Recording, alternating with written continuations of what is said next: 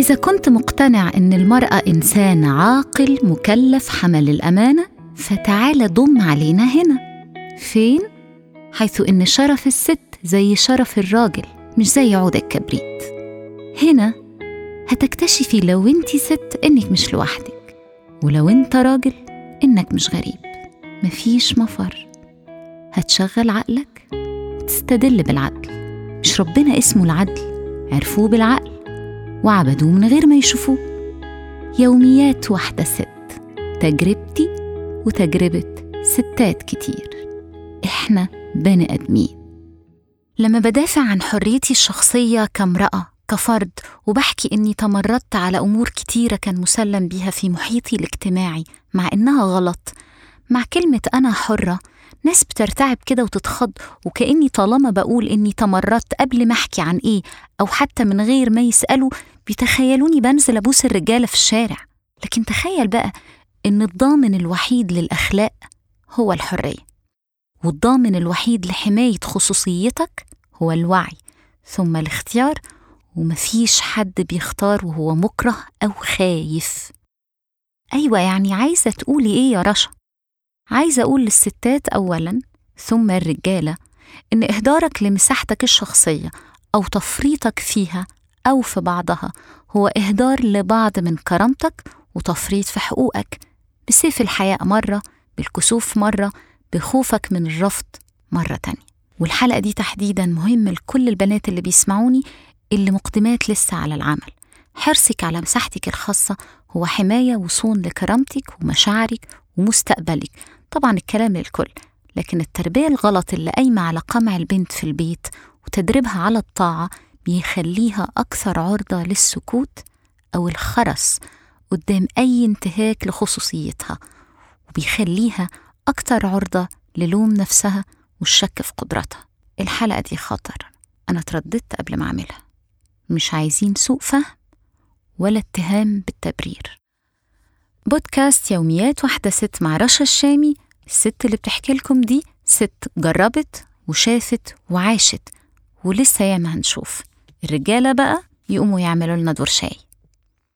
الحرص على المساحة الشخصية في ثقافتنا العربية ما خدش حقه قوي من التعريف. ليه؟ لأنهم اختصروا المسافة هنا بإن دي بنت كسر لها ضلع يطلع لها 24 وده ولد يعمل اللي هو عايزه. مع إن أي انتهاك لمساحتك الخاصة سواء كنت راجل أو ست بيحسسك بالضيق وعدم الراحة والتوتر وبيأثر على أدائك وثقتك وبتحس إن في جزء منك أو من محيطك اتمس انتهك اغتصب وطبعا بيعرضك للخطر. مش بتكلم عن التحرش لا لا لا لا خالص. ده ممكن يكون أول طريقه كان تهاون تغفيل يعني. ممكن يكون حادثة بتنزل على دماغك زي القدر وانت آمن ما عملتش أي حاجة سواء كنت راجل أو كنت ست. ما إحنا شفنا متحرشين بالرجالة ومتسلسلين كمان. كلنا ممكن نبقى ضحايا وده توضيح مهم لكن في اعتبارات مهمة لازم ناخدها في الحسبان لا نتغفل ولا نستغل ولا نستخدم ولا حد يضحك علينا ولا نرمي بأنفسنا إلى التهلكة.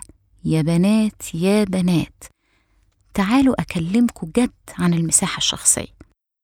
عايزاكي تشيلي من دماغك دلوقتي خالص موضوع الأصول والعيب والدين. طبعا دي كلها حاجات مهمة جدا بنحطها دايما في اعتبارنا. بس أنا عايزة أشيلها عشان أبسط المفاهيم اللي بنات مش قليلين بيفتكروه مفهوم رجعي أو متخلف أو غيرهم خدوا موقف من الدين أو العادات والتقاليد من باب إنها استخدمت لقمع الناس والبنات تحديدا أو تأييدهم.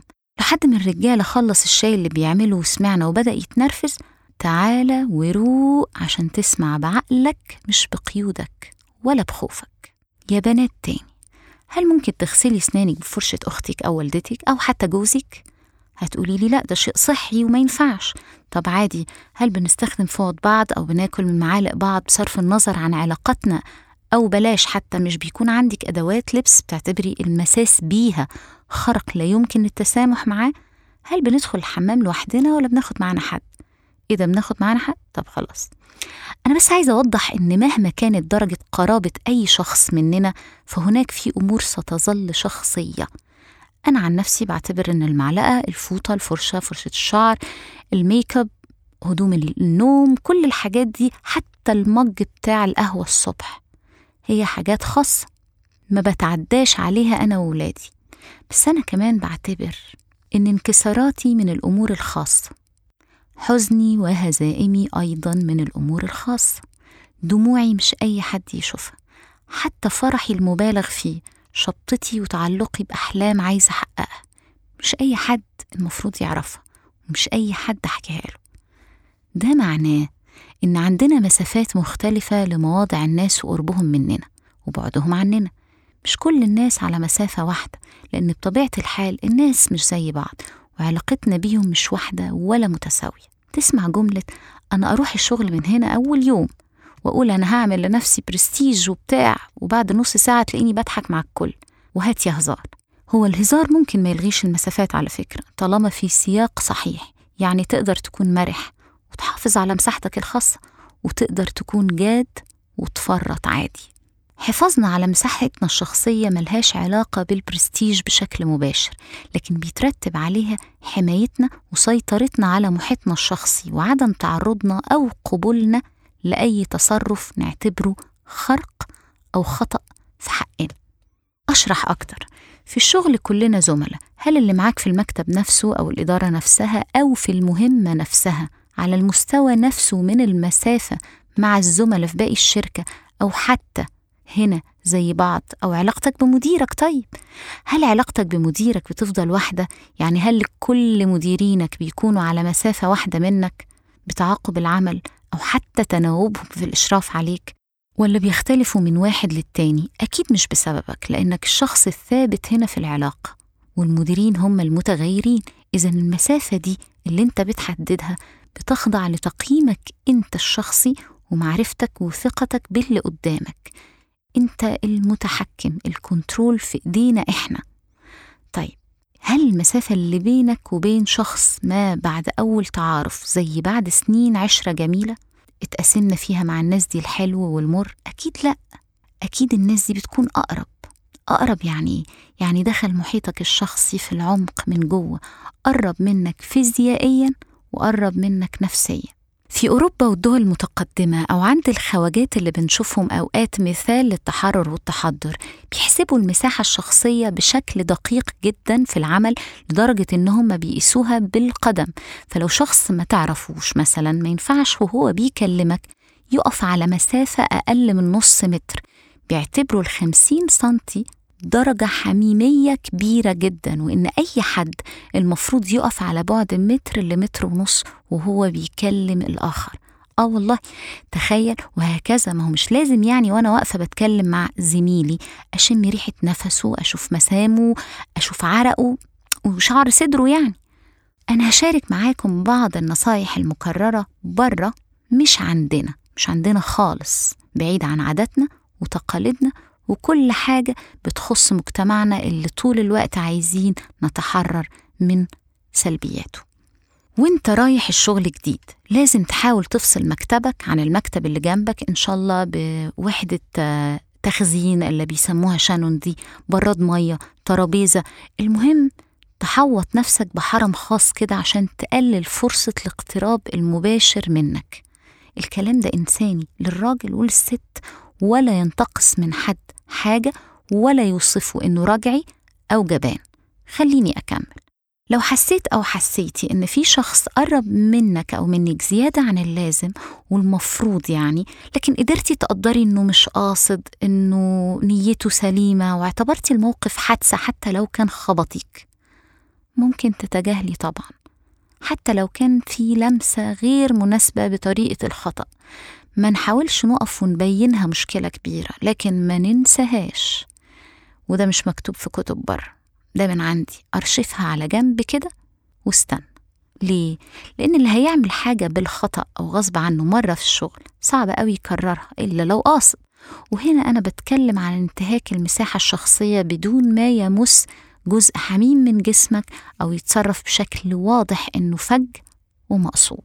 لو كررها عليك إنك تواجه وتقول للشخص ده اللي بتعمله ده مش مسموح ومش مقبول وبشكل واضح وتحدد له أو تحددي له المساحة والمسافة المناسبة.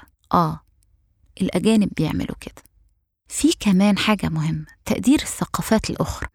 يعني لو اشتغلت مثلا في ورشة أو موقع أو وظيفة معينة الناس فيها ليها طبيعة أكل معين بيدخنوا هم بيشتغلوا بيشربوا شاي بعشر معالق سكر بيسلموا على بعض بطريقة معينة بيستخدموا كلمات معينة ممكن ما تبقاش مجازة أو مسموح بيها في أماكن تانية. وبالتالي لازم ناخد في اعتبارنا بيئة العمل اللي إحنا داخلين عليها. نقبلها ونجريها أو نرفضها ونمشي. لكن لازم نفهم إن دي طبيعة البيئة أو العادي بتاعهم. بس خلوا بالكم إن العادي ده يكون العادي بتاع العامة وفي النور. هنفهم ده بعدين. أحيانا بقى بتكون بتشتغل في بيئات عمل مختلطة ومليانة ثقافات متنوعة زي مثلا الشركات اللي فيها أجانب أو غيره. عشان كده ممكن تلاقي ناس بتهزر بطرق مختلفة. ناس بتهزر بالإيد ناس بتخبط على كتفك ناس بتضحك بصوت عالي. أنت ساعتها حر وأنت ساعتها حر. تقبلي من الثقافات دي وتسمحي باللي انت عايزاه وترفضي اللي انت عايزاه. بس في حاجة مهمة لازم نفهمها. مفيش ثقافة معيبة إلا وفيها أذى.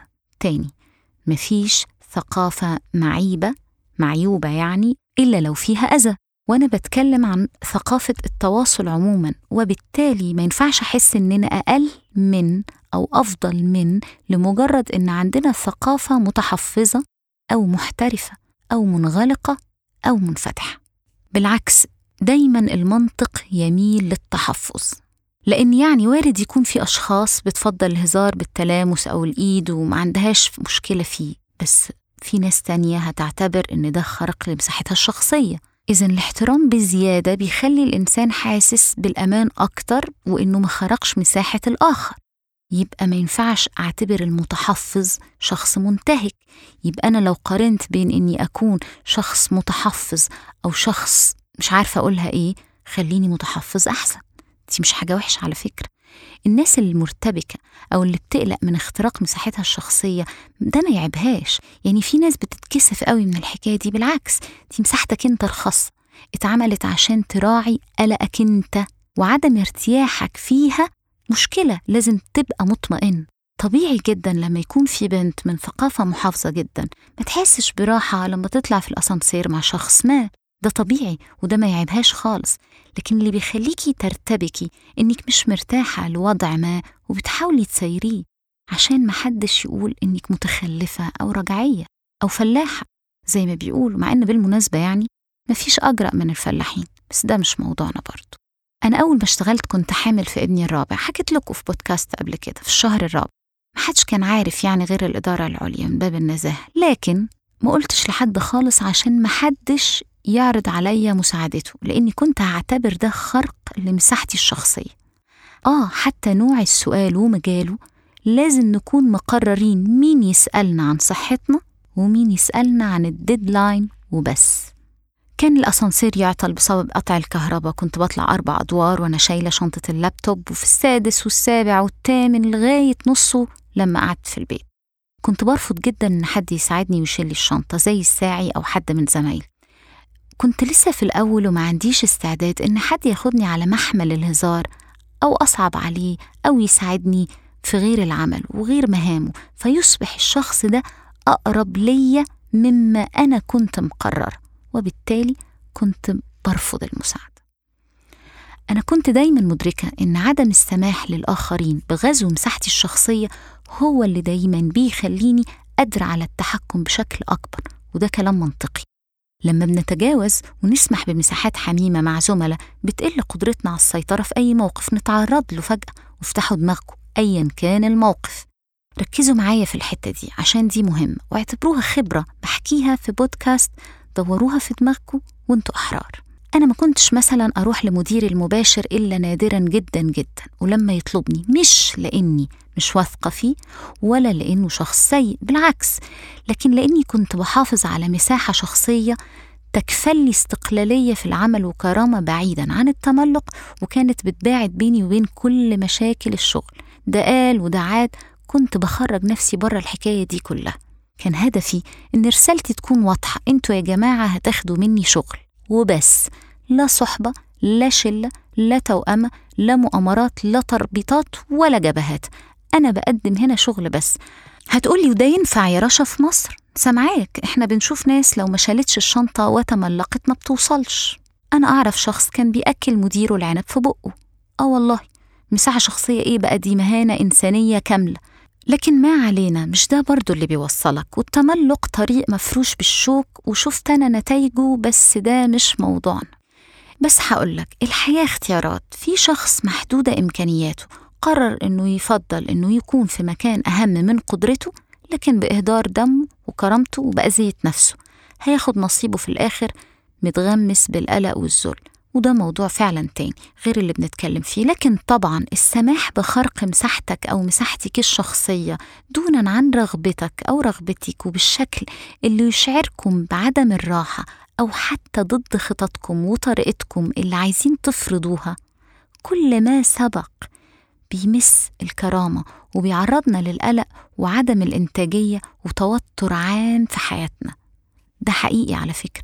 في ارتباط وثيق جدا بين إهدارك لمساحتك الخاصة وبين تطورك وإنتاجيتك وتقدمك في العمل. أنا وصلت لحاجات مهمة في شغلي بمجهودي وباللي قدرت إني أتميز فيه دونا عن غيري. وفي المقابل في حاجات محدش سمح لي إني أخدها إلا بدخولي شلة معينة أو إني أقبل تصرفات معينة أو دعوات معينة أنا مش مستعدة إن أنا أقبلها. وبالتالي استغنيت. الشيء مش لزوم الشيء. الشغل يلزمه كفاءة وإتقان ومجهود والصداقة يلزمها تقارب ومشاركة وثقة. إنما الشغل ما يلزموش الصداقة ولا الصداقة تستثمر بالشغل. تاني الشيء مش لزوم الشيء. الشغل بيلزمه كفاءة وإتقان ومجهود. الصداقة يلزمها تقارب ومشاركة وثقة. إنما الشغل ما يلزموش الصداقة ولا الصداقة تستثمر بالشغل. وده اللي غالبا ما بيحصلش في بيئات العمل عندنا. بس أنا فرضته مهما كان التمن والخسارة القريبة لأن المكسب بعيد وكبير. قالوا رشا دي بتاعت مصلحتها. الشغل عندها رقم واحد. مين اللي قاله؟ الناس اللي في الشغل. تخيلوا بقى إن الناس اللي في الشغل ما كانتش عايزة الشغل يبقى رقم واحد. أمال كانت عايزة الشلة المحسوبية بس ده كان ضد حدود مساحتي الشخصية اللي أنا قررتها. أنا فرضت المساحة الخاصة دي في عمل متهم أصلا بانفتاح وتحرر زائد الإعلام والصحافة لكن قدرت ونجحت وفضلت كفاءتي وتوفيق ربنا واحتياج الشغل دايما ليا عامل مهم في استمراري.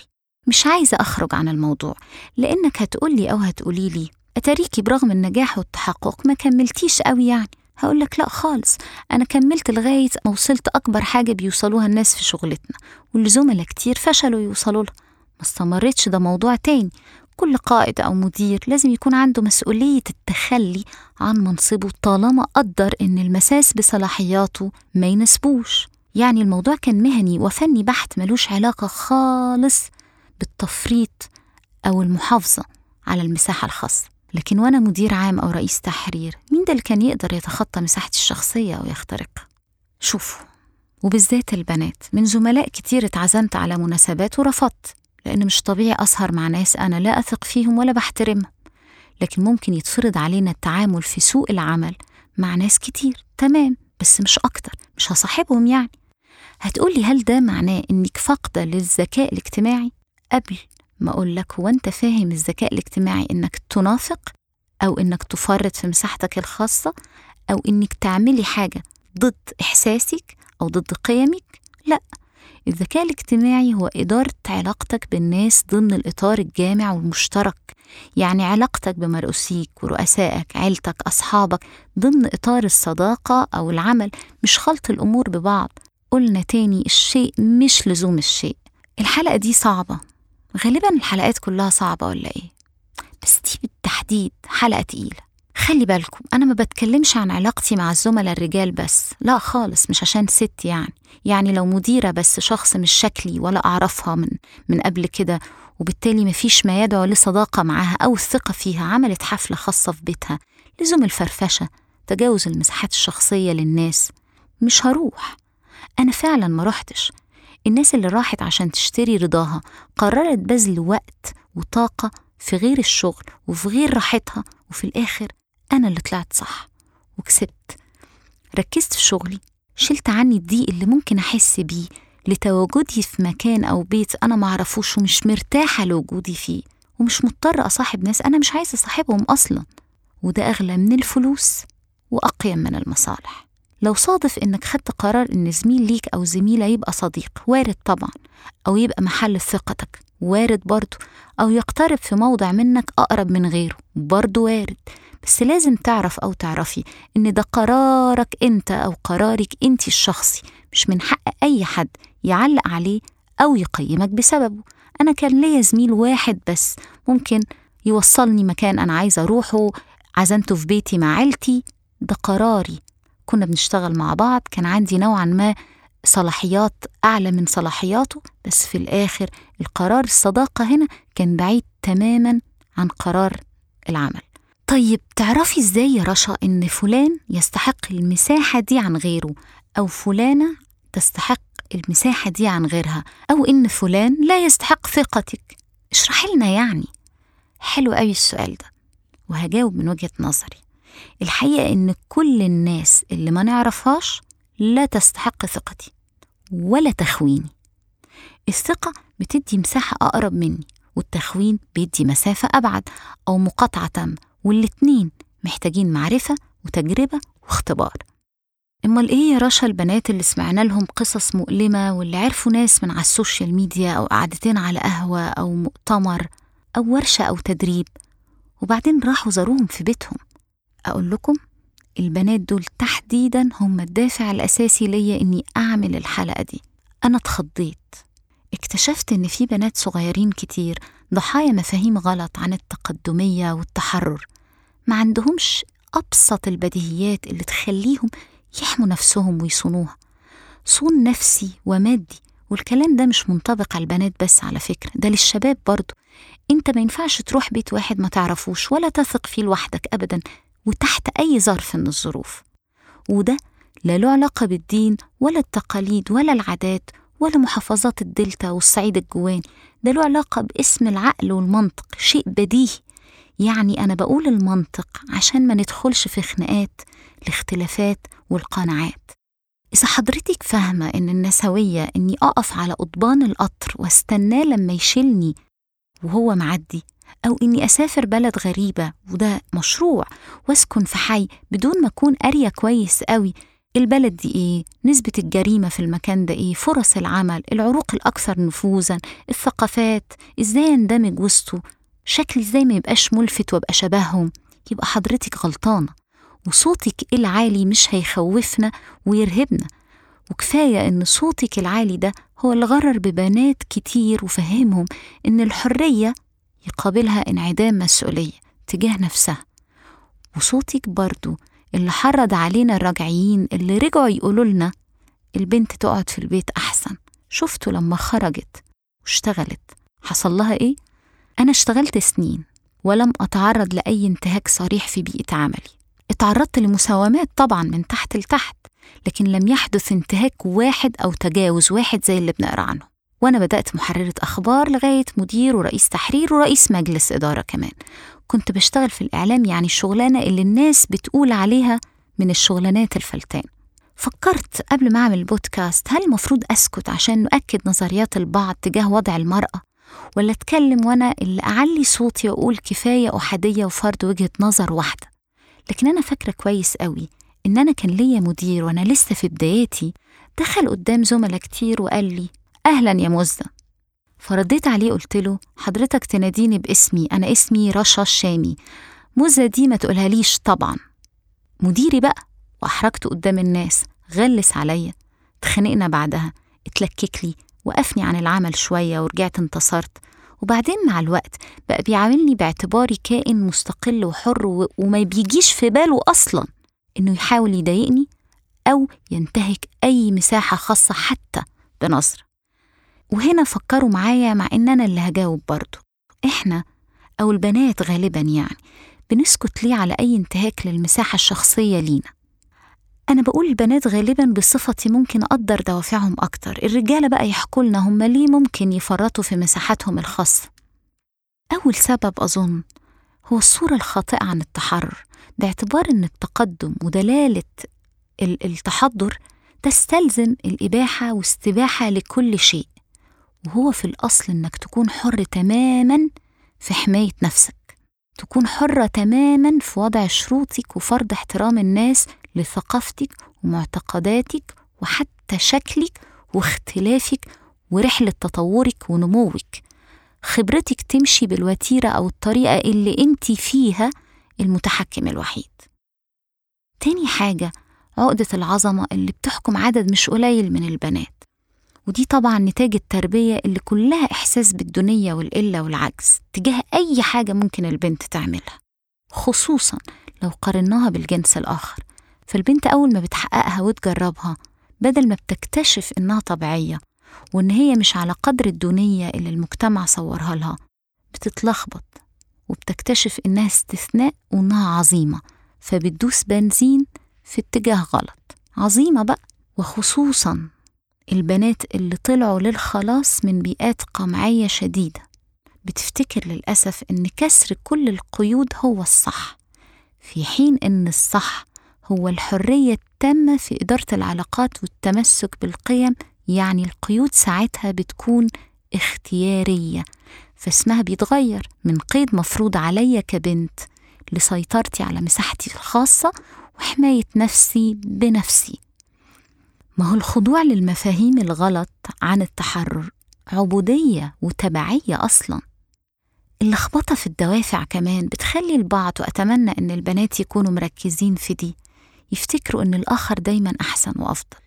ما هي؟ خلوا بالكم مش دايما القمع والتقليل من البنت بيخليها تحس إنها عظيمة. في بنات كتير بتصدق إنها أدنى وإنها جنس أقل. وده بيلخبطها.